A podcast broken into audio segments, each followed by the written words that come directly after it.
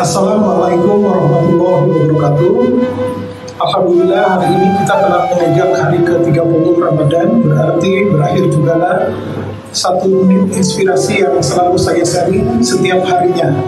Inspirasi yang saya lihatkan untuk anak-anak saya di rumah maupun anak-anak saya di kampus asal dari pengalaman maupun sikap hidup saya yang selama ini saya jalani dengan bersadarkan kepada pemahaman terhadap agama yang saya anut yaitu agama Islam mengacu kepada Al-Quran dan As-Sunnah ketiga puluh inspirasi yang saya sampaikan ini mudah-mudahan bermanfaat dan bisa mendidik kita agar kita mampu menjalankan amanah di dunia yang pada akhirnya kita semua kembali ke hambaannya Semoga kita semua kelak menjadi orang-orang yang beruntung saat kita kembali menghadapnya.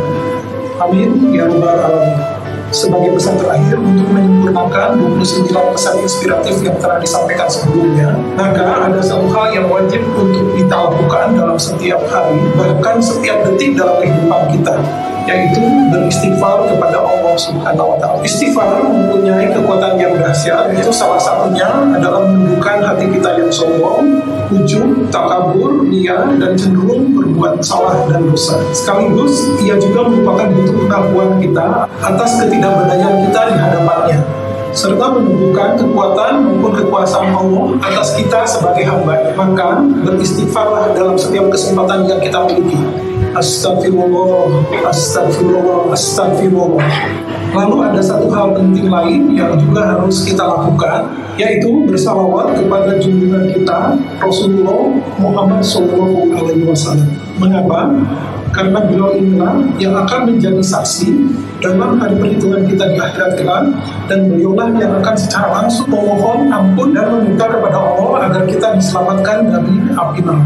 Jadi selain istighfar selalu bersolawat yang paling sederhana adalah Allahumma sholli wa sallim ala nabiyina Muhammad atau boleh juga Allahumma sholli ala sayyidina Muhammad wa ala ali sayyidina Muhammad. Lakukanlah ini dengan sepenuh hati, insya Allah kelak kita akan menjadi orang-orang yang berhasil. Sebelum saya akhiri, saya ingin mengucapkan terima kasih yang tidak terhingga kepada Allah Subhanahu wa taala karena atas rezeki yang diberikan kepada saya, saya mampu memberikan inspirasi ini setiap hari berturut-turut dalam 30 hari di bulan Ramadan. Kedua, tentunya kepada Anda semua yang telah setia mengikuti pesan-pesan ini setiap hari.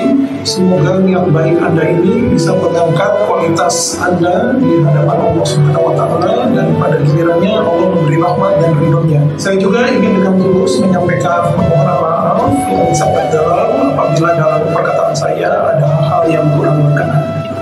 Dan terakhir, selamat merayakan Hari Idul Fitri 1441 Hijriah Semoga Allah menerima amal ibadah puasa kita dan juga memaafkan semua kesalahan dan dosa kita sehingga pada gilirannya mengangkat kita pada derajat takwa seperti yang diharapkannya. Taqabbalallahu minna wa min yamana wa minal aizin wal. Mohon maaf lahir dan batin. Wassalamualaikum warahmatullahi wabarakatuh.